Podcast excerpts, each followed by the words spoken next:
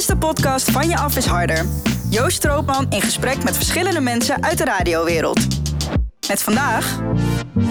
Eva Koreman. Welkom, dit is aflevering 5 van Van Je Af is Harder. Mijn naam is Joost Roodman, ik werk bij Avotros voor NPO Radio 2 en in mijn vrije tijd maak ik deze podcast. In deze aflevering is Eva Koreman te gast, bekend van Q-Music en tegenwoordig NPO 3FM. In 2016 won ze de zilveren radioster voor beste vrouwelijke DJ. Ze is een van de zeer weinige vrouwen die momenteel overdag op de landelijke radio te horen zijn in Nederland. Persoonlijk vind ik dat echt een schande, maar daar gaan we het straks uitgebreid over hebben. Maar ik ga het een beetje anders doen dan normaal. Mijn gesprek met Eva bestaat namelijk uit twee delen. De ene is begin maart opgenomen, voordat het coronavirus het leven platlegde, voordat 3FM een extra editie van Serious Request ging doen en voordat Eva samen met Frank van der Lende de middagshow van 3FM ging overnemen. Dat gedeelte hoor je zo eerst, direct gevolgd door een gesprek dat ik eind april met haar had. Toen heb ik haar nog even opgebeld om even bij te praten over al die dingen die in de tussentijd gebeurd waren. Maar goed, luister eerst naar deel 1 van ons gesprek. Over haar start bij Amsterdam FM, de rare fratsen die ze uithaalde in de nacht van Q-Music, over vrouwen op de radio, haar duidelijke mening over het instorten van 3FM en hoe een crematorium en een uitvaart toch leuk gemaakt kan worden. Ja, het is echt waar. Luister naar aflevering 5 van Van Je Af is Harder.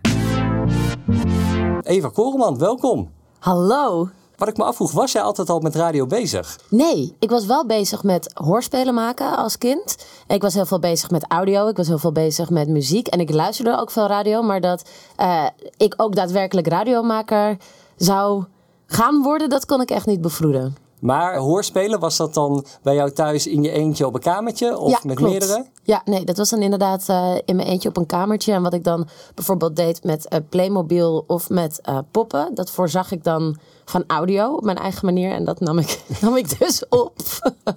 maar uiteindelijk begon je bij Amsterdam FM. Ik begreep dat jij in het begin meer de nieuwsredactiekant op wilde. Klopt. Ik um, ben begonnen bij Amsterdam FM omdat ik, nou, ik was afgestudeerd of ik stond op het punt van afstuderen. En toen raakte ik een beetje in paniek. Want er was tegen mij eigenlijk altijd gezegd, of dat nou gaat om je ouders of uh, maatschappelijk, maar als je gewoon heel erg braaf je gymnasium afmaakt en daarna een universitaire studie, dan komt alles goed in het leven. Maar dat is dus helemaal niet zo. Nee. nee. Dus dan studeer je af en dan denk je, ja maar hoe moet ik een bijdrage gaan leveren aan de maatschappij? Hoe moet ik het ook nog een beetje naar mijn zin hebben? Hoe moet ik uh, geld verdienen? En toen dacht ik dat wetenschapsjournalistiek misschien iets voor mij was. Want ik hou ook heel erg van schrijven. En ik heb ook uh, een natuurwetenschappelijke uh, studie gedaan. En de master die daar het meest bij aansloot, er waren maar heel weinig plekken voor. Maar, maar 15. Dus dacht ik, ja, kan ik wel met een geschreven portfolio aankomen. Maar hoe onderscheid ik me nou het meeste? En toen dacht ik, hey, misschien audio. Wat nou als ik bijvoorbeeld een hele mooie reportage maak uh, om, om op te vallen ook bij die uh, commissie. En zo ben ik toen terechtgekomen bij Amsterdam FM. Dat ik hoopte daar ervaring op te doen. Dus op de, uh, op de redactie en dan nou ja, inderdaad reportages maken of, of verslag doen. Maar dat liep helemaal uit de hand. Want je kwam daar in aanraking met radio en dacht van... hé, hey, maar er zijn nog veel meer dingen die ik daar kan doen. Ja, die nieuwsredactie was echt mijn, mijn gateway drug. ja, nee, echt in, uh, in drie weken. Ik organiseerde daar een borrel. En zo kwam ik in contact met jongens die op vrijdagavond muziekradio maakten.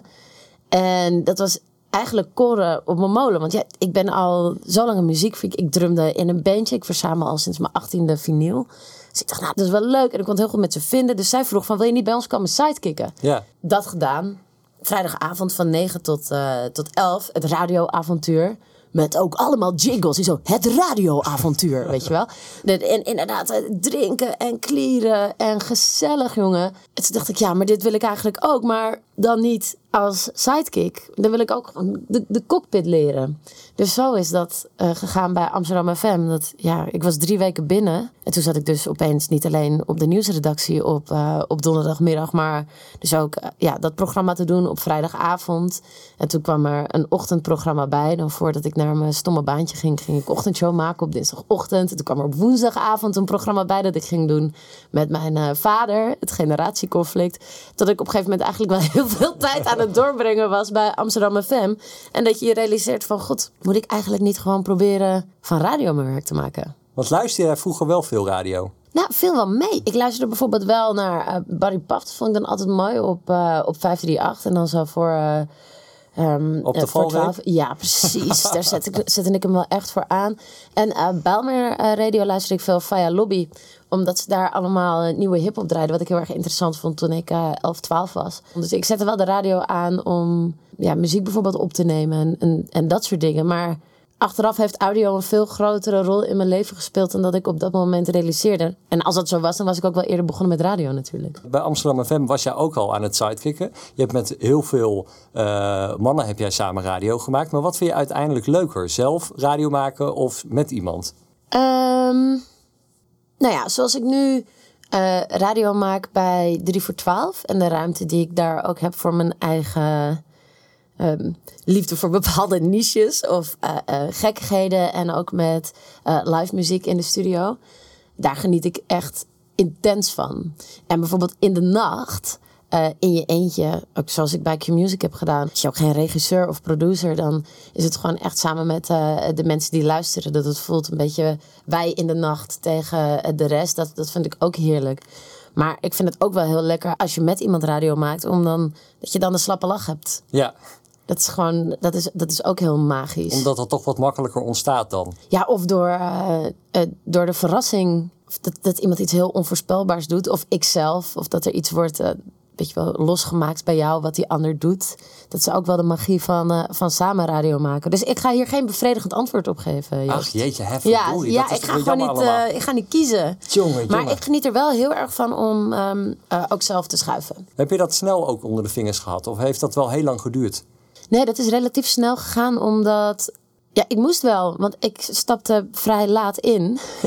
ja, ik bedoel, de, de, de meeste mensen die, ehm, die zijn wat eerder al bezig met, eh, met audio of met mengpanelen en dat soort dingen. Ik was eh 22, 23, dus dan moet je wel even vaart maken. En dan komt er ook nog bij kijken dat eh, je als vrouw wat dat betreft onder een vergrootglas ligt. Als, een, als jij een technische fout maakt als vrouw, dan is het. eh, Ja, dat voel van- jij wel zo. Dat dat direct dan, dat mensen dan meteen denken van, oh, dat is een vrouw die schrijft. Oh, jeetje, nou, dat heeft ze de. Nou, inderdaad, dat kun je wel horen, dat is een vrouw.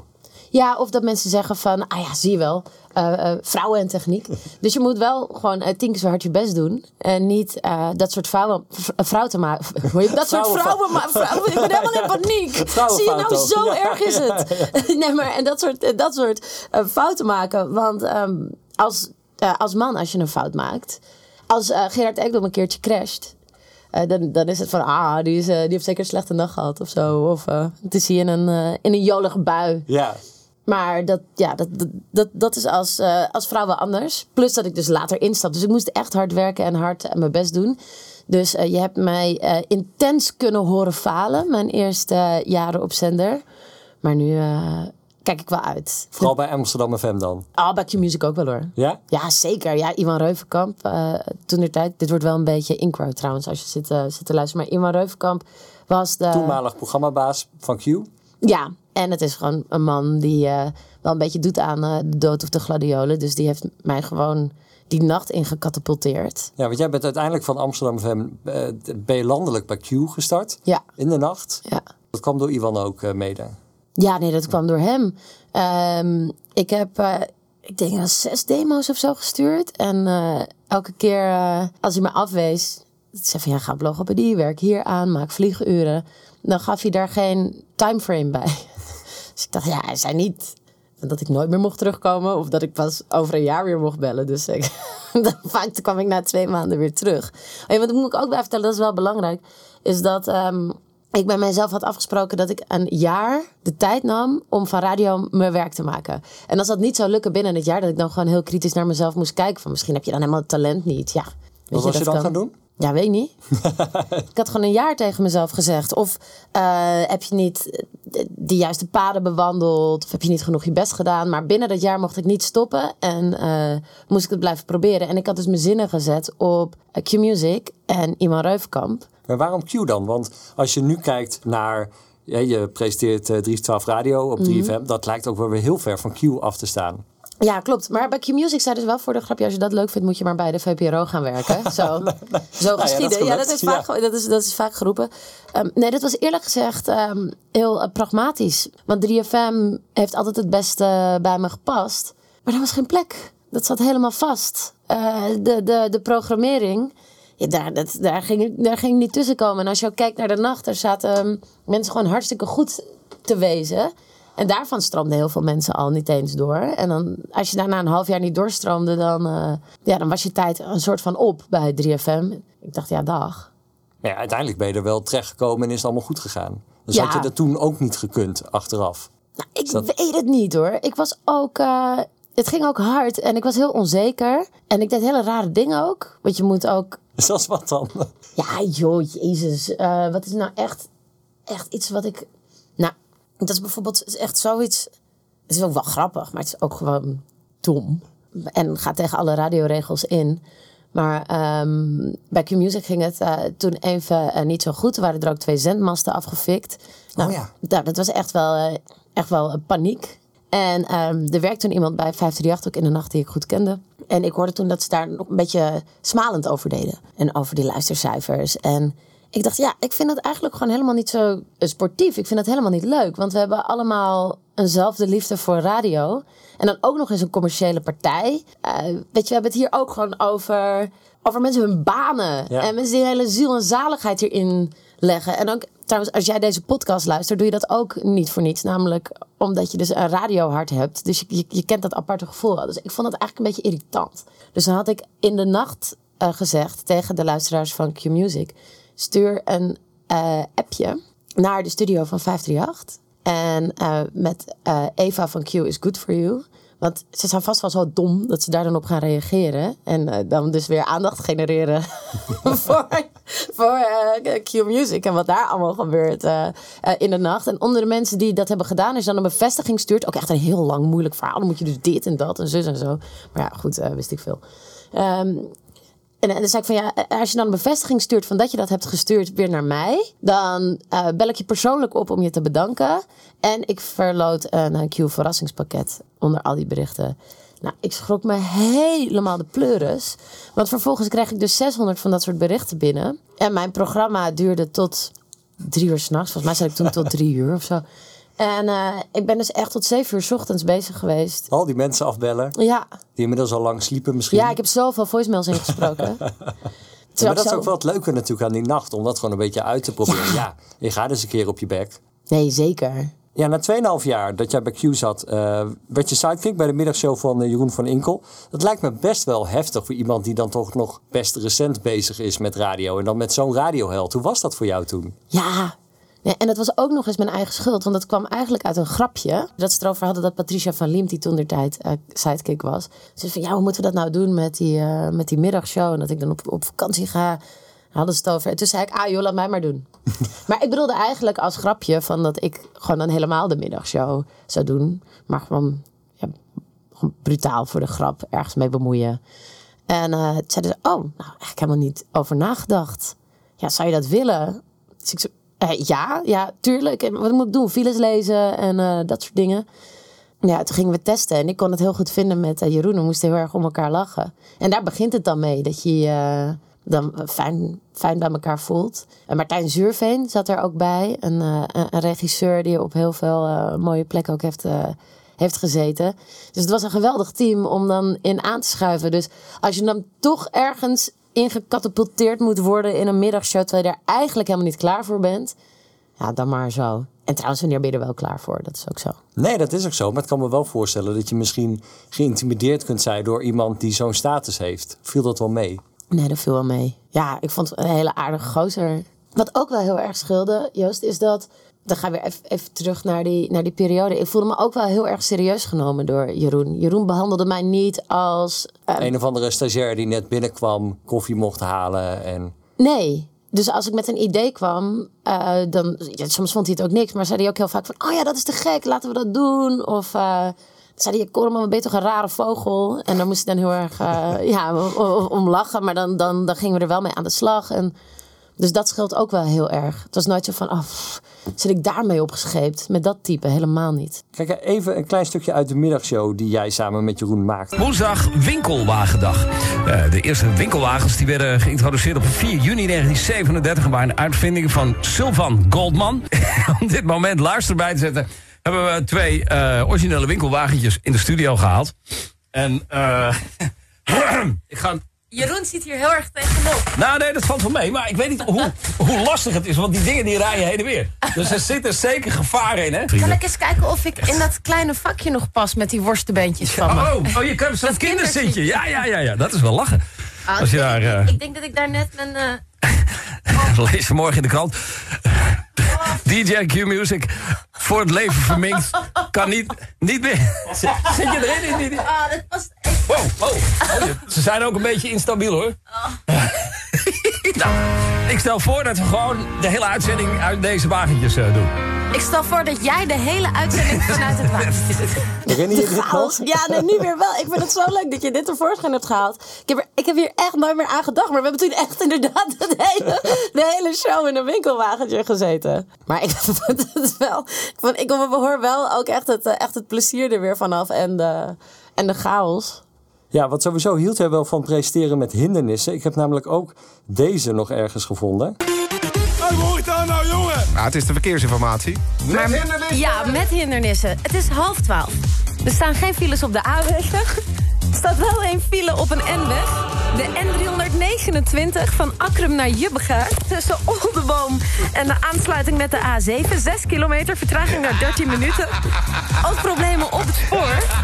Tussen Apeldoorn en Deventer woensdag geen treinen door herstelwerkzaamheden.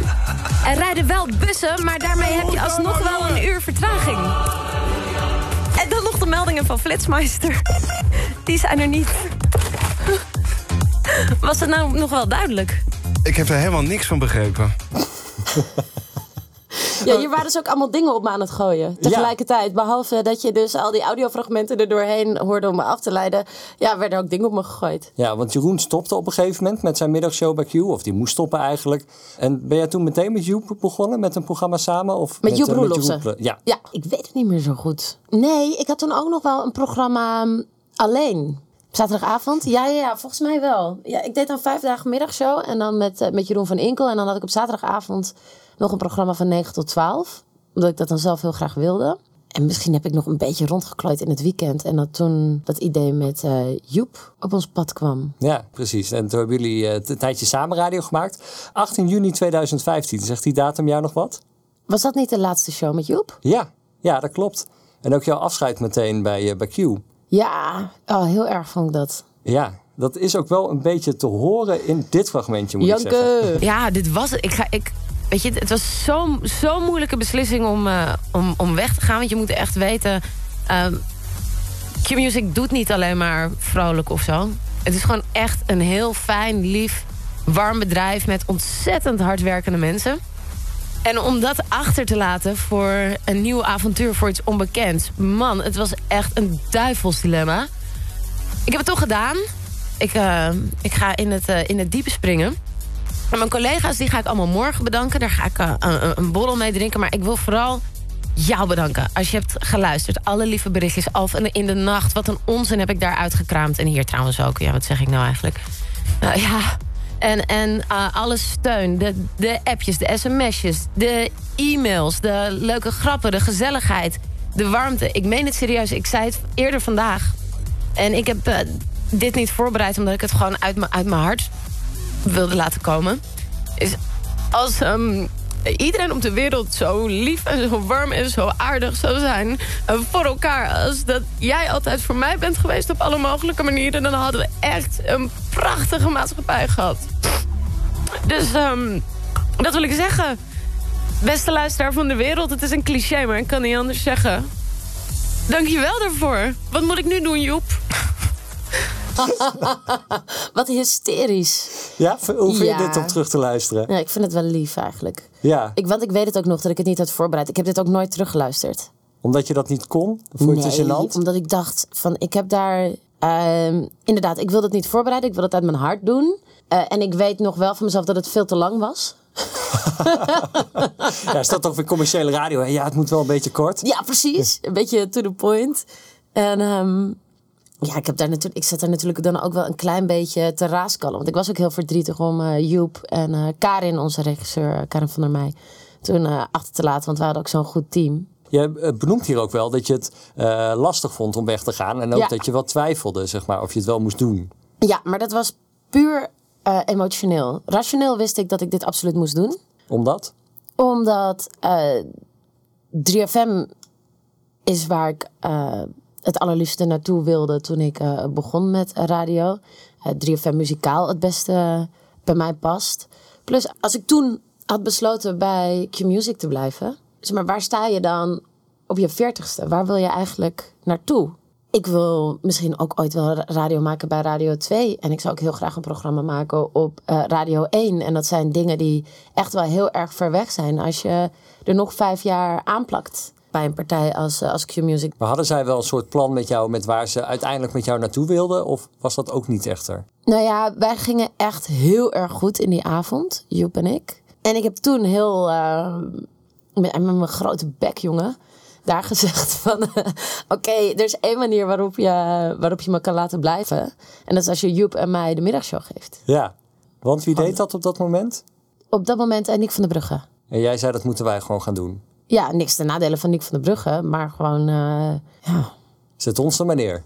Ja, ja, je, moet- je, ja, proberen, toch? Ja, zeker. Maar daar wilden ze niet in meegaan. Nou, toen zeiden ze van, wij, zijn, wij willen het vertrouwen in eh Nick niet, eh, niet opzeggen. We begrijpen de vraag heel erg. En ja, in de toekomst zien we ook wel echt wel zo'n plek voor jullie. Ja. Zeker, maar ja, dat kunnen we nu niet geven. Nee. Dus ja. Nee, dus toen... Leuk geprobeerd, Evaatje. Ja, ja, ja, precies. maar dan toch maar 3FM uiteindelijk. Nou ja, dat klinkt het toch maar 3FM. Ik had er echt, ik had er echt heel veel zin in ook. En ik vond het ook heel eng. Maar wat ik ook bij 3FM kon doen aan muziek en mijn muziekliefde, dat was echt waanzinnig. Want ik had het dus heel erg naar mijn zin bij Q Music eh, eh, in het team. En met, met mijn gekke verkeersinformatie eh, met hindernissen. Maar dat zijn ook van die dingen die ontstaan omdat je omdat je ook maar gewoon wa- wat, wat, wat dingen gaat proberen. Als je gewoon heel veel uren radio per week maakt. En best wel veel ook dezelfde hits draait. En daar is echt eh, niks op tegen. Maar ik hou echt wel... eh, ik, ja, nee, ik, ik, ben- gewoon, ik ben gewoon een, een muziekfreak. Ja, en ik, dus en dat- ik, haal mijn neus niet, ik haal mijn neus niet op voor eh, hits. En ook natuurlijk niet voor popmuziek. Dat hoor je ook veel op 3FM. Maar ik hou ook wel gewoon van, van mijn rare dingetjes. Ja. In 2016 zei jij in de Volkskrant dat 3FM een enorm wit bolwerk is. Is er nog wel iets veranderd inmiddels in de vier jaar dat we verder zijn? Dat was ook iets, jongen. Oh, wat heb ik daar een wijze les geleerd van dat interview. van de Volkskrant. Ja, dus dat je ehm, altijd leest van tevoren wat ze gaan publiceren. Ja. Dat is nogal logisch. Dat moet je gewoon eh, altijd doen. Want je hebt altijd een, een, een context. En sommige dingen klinken nou eenmaal wat sexier als je bijzinnen weghaalt. Maar dan bedoel je het niet zo. Maar één ding wat ik daar heb geleerd is dat je ook altijd moet vragen wat de kop wordt. Ja, want ja, jij Dat mocht... had ik niet gevraagd. Dus ik schrok me helemaal de pleuris toen ik dat artikel las. Dat ik dacht, ja, het is wel waar dat 3FM een wit bolwerk is. Ja. Eh, maar zo had ik het niet eens gezegd. Hilversum Ja. is dat. Het Mediapark is dat. Het gaat, dat gaat niet specifiek over 3FM. En dan ga je naar eh, een nieuwe plek waar je heel veel zin hebt om te werken. En het eerste wat ik doe voordat ik daar ga werken... is, eh, is, is de tent aanvallen waar, waarvoor je werkt. Dus ik vond het echt ik vond het erg, jongen. Ik, ik schaamde me dood. Want Ja. je mocht wel het artikel lezen, dat had je wel gecheckt, zeg Ja, maar. ja, en daar ja. was je het wel mee eens. Alleen de kop, dat stond er niet bij. Nee, die stond er niet bij natuurlijk. Nee. Nee, er stond gewoon een interview, even Koreman. Ja, en, eh, precies. Insert kop. Ja, was, dat, ja, was, dat, was dat de kop geworden. Ehm, maar dat was wel waar, ja. nog steeds, denk ik. Of, Nou, er is wel in zoverre iets veranderd waar ik echt wel heel erg blij om ben en eh, trots op ben, is dat eh Angelique Houtveen toen bij ons is gekomen. En elk interview met haar ging over het feit dat zij in een witte wereld eh, terechtkomt en dat zij eh, niet wit is. Waar ehm, eh, ik, laat ik zeggen, elk interview of elk gesprek eh, altijd de helft moest besteden aan het feit dat ik een vrouw ben, moest zij eh 50% of 75% besteden aan het feit dat ze vrouw is en niet wit is. ja. En dat was voor haar heel vervelend. Ehm, dat, dat, dat dat altijd maar weer moet. En het mooie vind ik dus dat nu met Sagit, die, die bij eh, 3FM eh, is komen werken, wordt dat gesprek niet meer gevoerd. Nee. Of weinig, veel minder gevoerd. Weinig eh, gevoerd. Wat betekent dat het niet meer zo'n issue is als eh, vier jaar geleden. En dan ben ik wel echt trots dat daar de sprongen in zijn gemaakt. Maar je merkt wel dat als er een interview met jou is, dat het heel veel gaat over dat je een vrouw op de radio bent. Ja, wel steeds minder hoor. Daar ben ik ook wel heel blij om. Want ben je daar nog wel veel mee bezig of speelt dat ook minder? Ik denk dat het eh, nog steeds heel veel eh, speelt, maar dat het in een korte tijd echt eh, heel veel beter is geworden. Eh, we zijn er nog, eh, nog langer niet. Maar ik merk in elk geval bij 3FM zelf dat ik me daar heel veilig en begrepen en gewaardeerd voel. En dat het eigenlijk nooit meer gaat over mijn vrouw zijn. Nee, maar toch zie je ook bij andere stations dat het nog wel een groot probleem is. Als je kijkt Zeker. bij Q, waar steeds minder vrouwen werken. eh 538 volgens mij überhaupt niet in de dagprogrammering. Veronica, Slam. Ja, Nee, helemaal niks. Nee, klopt. Er moet echt nog, eh, nog heel veel werk gedaan worden. Dus ik kan ook alleen maar spreken vanuit mijn eigen eh, ervaring. En ik merk dat, dat, het, ja, dat het gewoon echt heel veel beter is geworden. Echt een, echt een verschil, ook met, met tien jaar geleden, van hoe ik word benaderd in eh Hilversum zelf, maar ook in interviews of in dit soort situaties. Dat vind ik echt, eh, ja, vind ik echt heel prettig. Want het is ook wel gek als je kijkt naar het buitenland, bijvoorbeeld België, wat wel een andere radiomarkt is. Maar als je daar kijkt naar Studio Brussel, dan wordt de middagshow en de ochtendshow gepresenteerd door een vrouw. Eh, BBC Radio 2 heeft tegenwoordig een vrouwelijke ochtendjok. In het buitenland is dat wel veel meer, dat vrouwen gewoon heel veel te horen zijn op de radio. Zeker. Nederland is ook heel raar daarin. Ehm, Hoe en komt dat, denk je? Nou, dat meerdere factoren natuurlijk. Maar ehm, en iets dat heel veel schade heeft gedaan, is dat er in. ehm, nou, dat, eh, Joost, dat, dat ken jij waarschijnlijk ook wel. Dat, dat onderzoek, het beruchte onderzoek, waaruit zou blijken uit de jaren tachtig. Dat eh, mensen minder graag naar vrouwenstemmen luisteren. En dat vooral ook vrouwen minder graag naar vrouwenstemmen luisteren. Ja. Dat die als irritant worden ervaren op de radio. Maar dat is ooit geroepen op een eh, congres in de jaren tachtig in Nederland. Waar ook eh, allemaal eh, decision makers zaten. Die nou ja, de belangrijke plekken in handen hadden bij de, ook bij de radio. Dat onderzoek dat is eindeloos eh, aangehaald. Maar dat onderzoek dat bestaat helemaal niet. Dat is er nooit geweest. Dat heeft nooit plaatsgevonden. Maar als je daar vanuit gaat en dat handjevol mensen die dus iets te zeggen heeft over een hele radiozender en daarin blijft geloven. Ja, dan wordt het wel lastig. Dus zo hebben we best wel wat jaren achterstand, om het maar zo te zeggen, op andere landen. Want inderdaad, eh, in Europa, maar ook eh, eh, Amerika of Australië en Triple J, gewoon muziekradio, is het helemaal geen thema. Eigenlijk tijd om dat onderzoek gewoon een keer wel te doen en dan eens een keer echt te kijken wat eruit komt. Ja, dat zou ook nog een goed idee zijn. En dat het toch blijkt dat het waar is. Ja, dat zou dan wel, ja, dat zou dan wel een beetje jammer zijn. En dat we dat dan naar België sturen naar, en naar Engeland en zeggen: ah, snel al die vrouwen van de radio. Ja. Ja, dat zou toch wel een beetje triest zijn. Vroeg me af, word jij s'nachts nog wel eens eh, nat in het zweet wakker van dit?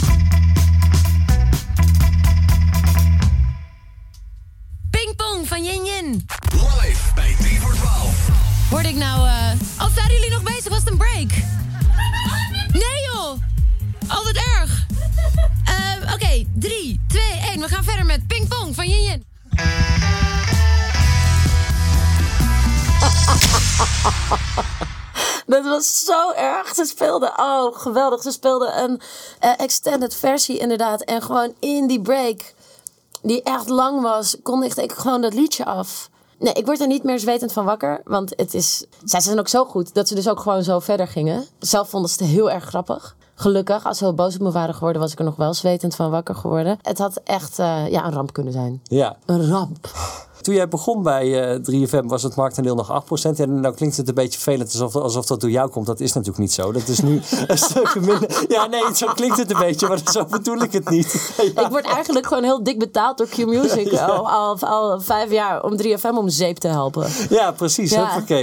Maar wat is er misgegaan in die tijd volgens jou? Oh, best wel veel dingen. Zoals?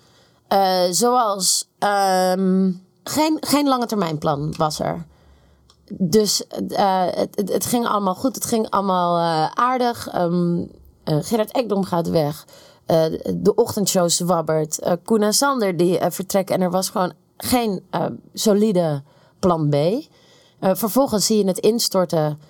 paniekvoetbal. Ehm, er wordt ges- gesleuteld aan het muziekformat. Wat, en dit is echt mijn persoonlijke mening. Ik, ik vond dat echt. eh, ik, vond dat, ik vond dat toen echt niks. Maar toen het meer hitjes en meer urban werd, of wat? Ja, meer, meer hits, meer urban en dan nog eh, eh, classics ertussendoor voor het, voor het comfort. En heel veel van mijn collega's voelden zich daar ook niet bij thuis. En daar begint het natuurlijk allemaal mee met de, met de muziekliefde. Bij 3FM is dat gewoon zo. Ehm, dus dat. Nou ja, dan ehm, heb je geen eh, eh, kapitein, eigenlijk alleen maar eh, interims. 3FM heeft heel veel zenderbazen gehad in die tijd. Ja, nou dat helpt ook niet. Nee. Dus mensen werden ongelukkiger. Nou, dat, dat hoorde je ook meteen aan, de, aan de zender af. En dat alles bij elkaar gewoon, gewoon veel slechte beslissingen, paniekvoetbal, alles bij elkaar. Weet je wel, ik zou, ik, zou- ik zou, ik zou liever een, een keuriger gemediatraind antwoord geven. Maar dat we hier staan op, eh, nou wat is het, op 10 plus, 2,3 procent. Ja. Ja dat, is, dat, ja, dat is gewoon verschrikkelijk. Maar ja, ik moet wel zeggen, eh, ik ben echt heel hoopvol met dat, wat het, het team dat we nu hebben. Iedereen wil het echt doen. En de muziek is echt beter dan in drie jaren, jaren is geweest. Daar sta ik ook echt heel erg achter. Daar is de afgelopen half jaar ook zoveel aan gebeurd. Alleen er zijn nu best wel, best wel weinig mensen die dat dus horen, dat dat aan de gang is. Maar, Maar frustreert het dan jou persoonlijk ook, zeg maar, dat het... Je, eh, er wordt al heel veel eh, geprobeerd, maar dat dat nog niet echt lukt? tuurlijk, Dat kan me voorstellen dat als je dan die dag hebt dat de luistercijfers komen... en je krijgt die cijfers, dat je denkt van, nou ja, zal het dan nu eindelijk? En dat je denkt, "God, weer niet. Tuurlijk. Ja, dat is vreselijk. Helemaal. Weet je, ik werk er nu meer dan vijf jaar. Dus eh, ja, ik heb echt mijn hart verpand aan, eh, aan 3FM. Dus ik wil echt heel graag dat dit goed komt. En daar wil ik zelf ook alles aan doen. En dat, dat, dat probeer ik ook te doen. En dat probeert iedereen te doen. En als die luistercijfers dan komen, ja, dan is dat wel echt een domper. Wat wel scheelt, is dat we wel met z'n allen nu heel erg staan achter wat we aan het doen zijn. En dat was, laat ik zeggen, eh, drie jaar geleden wel anders. En dan is het nog veel erger. Dat de sfeer in het team toen ook niet goed was. Ja, en dat je het ook eh, niet zo goed naar buiten toe kan vertellen. Nee. Maar wat moet er nu nog gebeuren om die luisteraars wel weer aan te trekken? Ja, simpel. Mensen moeten gewoon weer weten dat we daar hele mooie radio aan het maken zijn. Waar je fantastische muziek kan ontdekken. Weet ik veel, doe onze postercampagne. Come on nou. Ja, En maar vind je dat dat vanuit de NPO te weinig gebeurt? Dat jullie te weinig op de kaart gezet worden? oh, weer? dat ook. Ja, tuurlijk. Dat, dat, dat is ook eh, eh, zeker gebeurd. Er is eh, heel veel aandacht geweest in alle opzichten voor Radio 2. Eh, en dat heeft ook echt absoluut haar vruchten afgeworpen. Maar dat heeft ook wel een deel van, van 3FM opgegeten natuurlijk. Op het moment dat je gaat verjongen als Radio 2... dan vreet je een heleboel af aan de bovenkant van de doelgroep... waar 3FM voor bedoeld is. Ja, je vindt wel dat Radio 2 3FM echt gecannibaliseerd heeft wat dat betreft. Eh, ja, het is natuurlijk niet de schuld van eh, Radio 2 of van de NPO als zodanig. Maar dat heeft zeker niet meegeholpen, nee. Maar heb je wel het gevoel dat het product nu weer helemaal klopt? Dat, drie- dat de zender zeg maar weer staat? Ja, ja, waar wij nu naartoe gaan, waar we met z'n allen aan, aan het bouwen zijn, daar heb ik echt eh, ontzettend veel vertrouwen in. Dus het voelt ook een beetje als alles of niets nu. En ja, voor mij ja, is het dus alles. Ja. Dat ga ik ook eh, doen, dat voel ik ook echt zo. En misschien moeten we dit gesprek over twee jaar nog maar een keer voeren. Maar ja, weet je, als het dan nog steeds zo staat, weet je, dat zou wel heel treurig zijn. Ja. Maar denk je dat dat kan? Of Nee, denk ik niet. nee? Nee, dat kan niet. Dat is toch gewoon, ja, dat kan toch niet? Serious Request, de Lifeline heb jij gedaan. Ehm, hoe vind jij dat concept nu? Denk je van, dit is het wel? Dit gaat ons uiteindelijk ook weer het succes brengen? Of zou je het anders doen? Nee, ik vind het echt, eh, echt fantastisch. Helemaal als je bekijkt hoe het afgelopen jaar is gegaan ten opzichte van de eerste editie. Want die eerste editie die is binnen no time eh, uit de grond gestampt. En dan vind ik het alsnog heel erg knap. eh, ook van het hele productieteam en iedereen eromheen. Van hoe dat is gegaan. Maar even serieus. Over de afsluitdijk. Terwijl het idee is dat je van actie naar actie gaat. En, eh, en dus mensen onderweg ontmoet die geld hebben opgehaald eh, voor het Rode Kruis. En dan gewoon urenlang door de regen en de wind, door het grote niets. Dat Sander Hoogendoorn en ik eh, helemaal ontroerd raakten als er iemand naar ons toeterde. Omdat het zo was van, oh, weet je wel, erkenning, we bestaan. De, mensen weten dat, dat, dat we dit doen. Nou ja, die, eh, als je dat afzet naar hoe het eh, afgelopen jaar is gegaan. Dus dat we in estafette langs dorpen en steden liepen en dat hele pleinen stonden, stonden vol. Dat was zo mooi en ontroerend. En, eh, nou ja, en dat je dan, dat klinkt een beetje, een beetje gek, want je haalt natuurlijk geld op voor het Rode Kruis, maar dat je dus wel gezien wordt. Zo van, eh, oh ja, jullie zijn echt bezig met een goede actie en daar willen we aan bijdragen. Ja, ik vind het echt heel mooi, omdat het gewoon heel echt en heel rauw en puur is. En het is heel eh, zwaar. En gewoon het idee dat je, ja, dat wij gewoon echt contact maken. Dus met mensen die we onderweg eh, ja, tegenkomen. Dat, dat vind ik heel erg eh, fijn. En bij het eh, eh, glazen huis was het natuurlijk wel letterlijk een glazen huis. En dan kon je misschien een keer iets tegen elkaar gillen in de brievenbus. Maar ja, Vond je het wel goed dat het glazenhuis stopte? Was je het daarmee eens? ja, ja, vond ik wel heel goed. Ook heel eng. Super eng. En ik vond het jammer dat ik er dus dan zelf niet meer in kon. Nee, want je bent een keer, Ja. je bent achtervang geweest. Ja, Maar niet, eh, je, je had heel graag gewoon zelf een keer een van de drie DJ's in het huis willen zijn. ja tuurlijk. Ja. Ja, het Series Request heb ik... ehm, ook toen ik zelf nog helemaal geen radio maakte... heb ik dat ook altijd eh, eh, gevolgd. En dat vond ik zo mooi. En zo'n zo'n onderdeel ook van kerst. Dus dat is voor mij toen echt de, de heilige graal van radio. Maar als je dat hebt gedaan... Maar dat is, dat is puur ego. Daar kan ik echt niks mooiers van maken. Dat ik echt dacht, oh nee, shit, kan ik dat niet meer meemaken, weet je wel. Om er zo in te zitten. Maar eh, ik vond het wel heel erg goed dat we als 3FM zijnde iets anders zijn gaan doen. Want het was ook wel uitgehold zoals het was. Ja, ik eh, begreep dat toen jij bij Q zat, dat je niet zoveel moest hebben van radiomensen die allemaal maar op televisie gingen. Terwijl jij inmiddels eh, Jules Unlimited hebt gedaan, drie op reis, Radio Gaga. Wat is er gebeurd in de tussentijd? Oh, waar heb je dat vandaan dan? Ja, van mensen die ik gesproken heb die dat zeiden. Van Eva was daar heel stellig in. Nee, ik had, ik had wel een beetje cameravrees. Dus een grote, een grote mond als het ging om microfoons. Maar ik, had wel, ik, ik was een beetje bang voor camera's. Ik werd er ook heel ongemakkelijk in. Dan hield ik ook op met knipperen en zo. Ja, waar ik ook niet zo heel lekker op ging. eh, in het algemeen als mensen die radio dan gebruikten als springplank voor televisie. Je hou je nou, eh, hou je nou van radio? Zeg maar, of ben je alleen maar verder aan het kijken naar eh, zeg maar, welk, welke faam jou dit, dit kan brengen? Daar kon ik me dan wel aan ergeren. Dat klopt wel. Maar als jij nu iets aangeboden krijgt op tv, zeg maar, een dagelijks programma, eh, dagelijkse talkshow, ik noem maar wat. Je kunt, eh, of je kunt eh, op één gaan doen. Zou je dan eh, eh, dat doen en de radio zomaar verlaten? Of zeg je van ja, maar daar is mijn radioliefde wel te groot voor? Nee, daar is mijn radioliefde te groot voor. Ik, ik heb ook eh, gezegd van radio is mijn grote liefde en televisie mijn minnares. Ik hoef niet per se op tv, ik moet wel per se op de radio. Ik zou ook altijd radio blijven maken, ook als ik iets heel anders ga doen en misschien eh, ook graag meer achter de schermen zou willen werken, dan zou ik wel, eh, weet je, bijvoorbeeld op een lokale zender of zo, ook nog wel eh, een uurtje radio per week willen maken. Ja, maar ik hou wel echt van avontuur. Dus nou, nu zeg je een, eh, een op één. Ja, dat is een avontuur wat ik eh, absoluut aan zou willen gaan. Of ooit aan zou willen gaan. Maar ik zou daarvoor nooit de radio helemaal verlaten. Ze mogen je bellen in ieder geval. Ze mogen me bellen. Ja, kijk, heel goed. Eh, ja, qua televisie, je hebt ook Expeditie Robinson gedaan.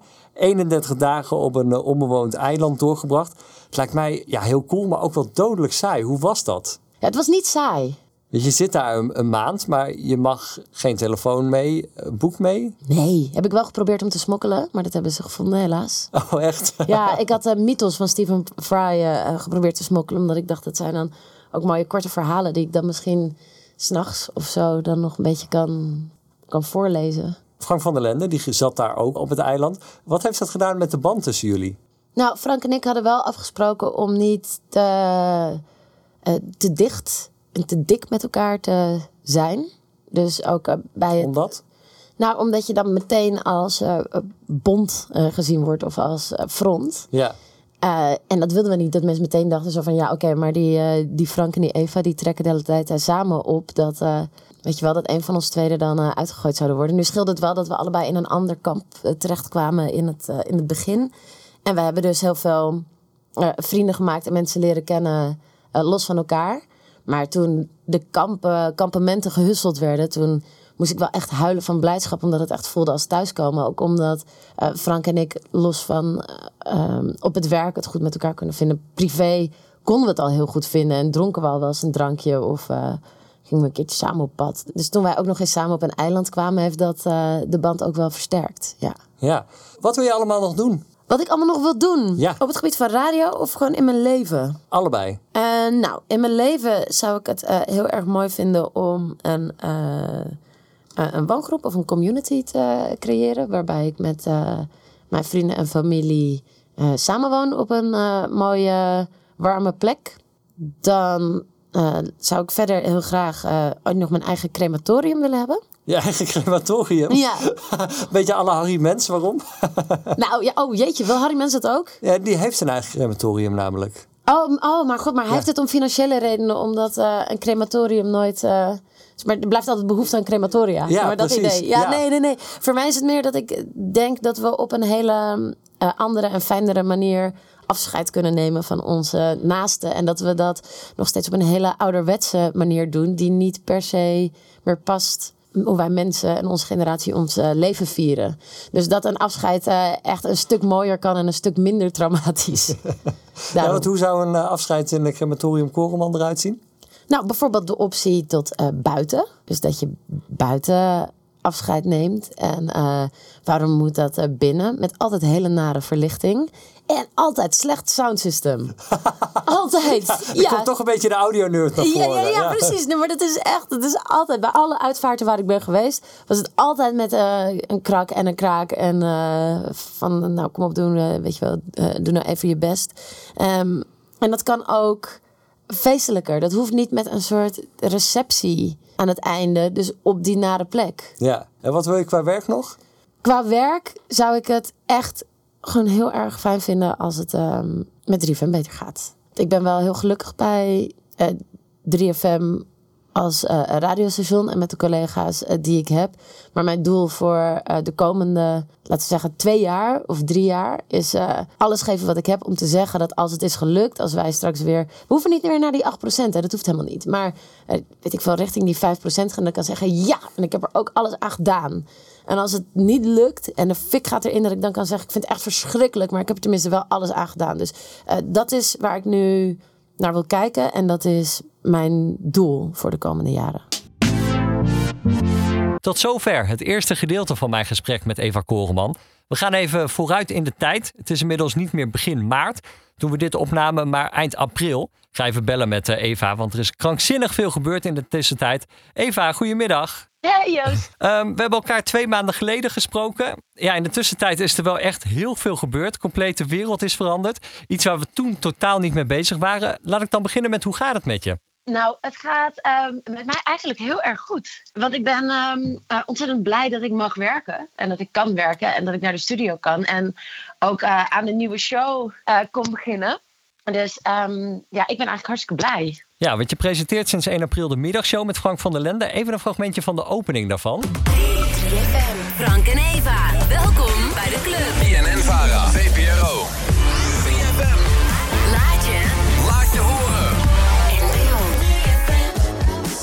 Is toch mooi. Uh, Tame Impala hoorde je op 3FM en Let It Happen. Hey Eve. Gaat het echt gebeuren dan? Ja jongen, godverdorie zeg. Ik heb er heel veel zin in en ik vind het spannend. Is het ook. Ja. Nieuwe dingen zijn altijd eng. Dan gaan we lieve mensen. Welkom bij de club, dit is 3FM. Oh Frank en Eva op je radio.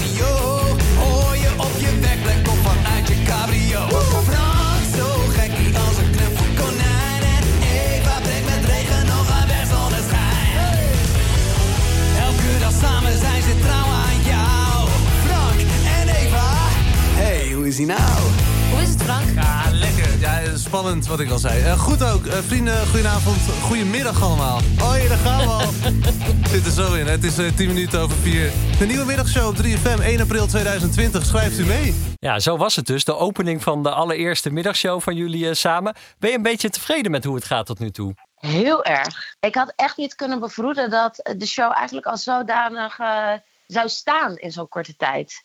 En hoe natuurlijk het voelt en ehm, hoe het team ook heel eh, symbiotisch is. Ja, ik ben echt, ik ben echt super blij. Oké. Maar ik vind, ook wel heel, ik vind het wel echt heel erg leuk ook om dit eh, fragmentje weer te horen. Want dat voelt ook alweer heel ver weg. Terwijl, het is Ja. een maand geleden. Ja, en in de podcast vroeg ik je wat je liever doet. Een show in je eentje of met iemand samen. Nou ja, je wist natuurlijk al wel dat dit er een beetje aankwam. Dus misschien wel mede daarom kwam je niet echt al de antwoord. Maar ehm, ja, waarom heb je uiteindelijk 3 voor 12 opgegeven om dit te gaan doen? Ja, ik vond het ook wel heel moeilijk hoor.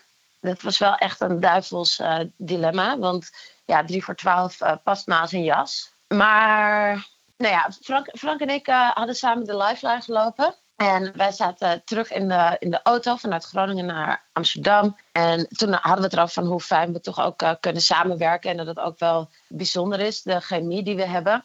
En ook dat 3FM ons heel erg aan het hart gaat. Dat we het allebei heel erg vinden. Dat die cijfers achterblijven. En dat je dan ook aan jezelf moet vragen van... oké, wat, wat kan ik daaraan doen? Wil ik aan het einde van de rit zeggen van... ik heb er echt alles aan gedaan? Eh, Of blijf je gewoon, weet je wel, gewoon zo goed mogelijk je programma maken... en dat is het dan. Eerlijk gezegd, eh, als eh, ik een perfecte programma zou maken... als ik drie voor twaalf het allerbeste zou maken dat het ooit is geweest... en wat er ooit heeft bestaan...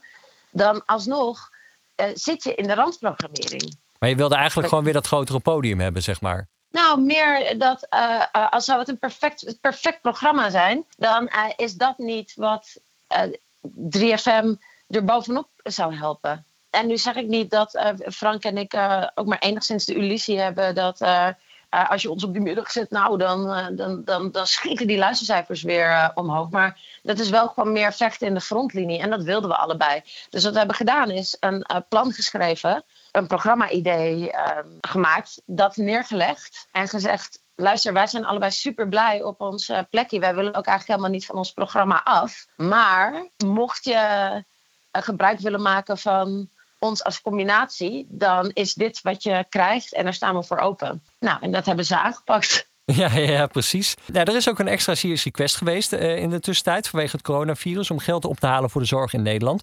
Wat dacht je toen je dat idee hoorde om een extra serious request te doen? Oh, ik was er helemaal van in de war. Oké, want?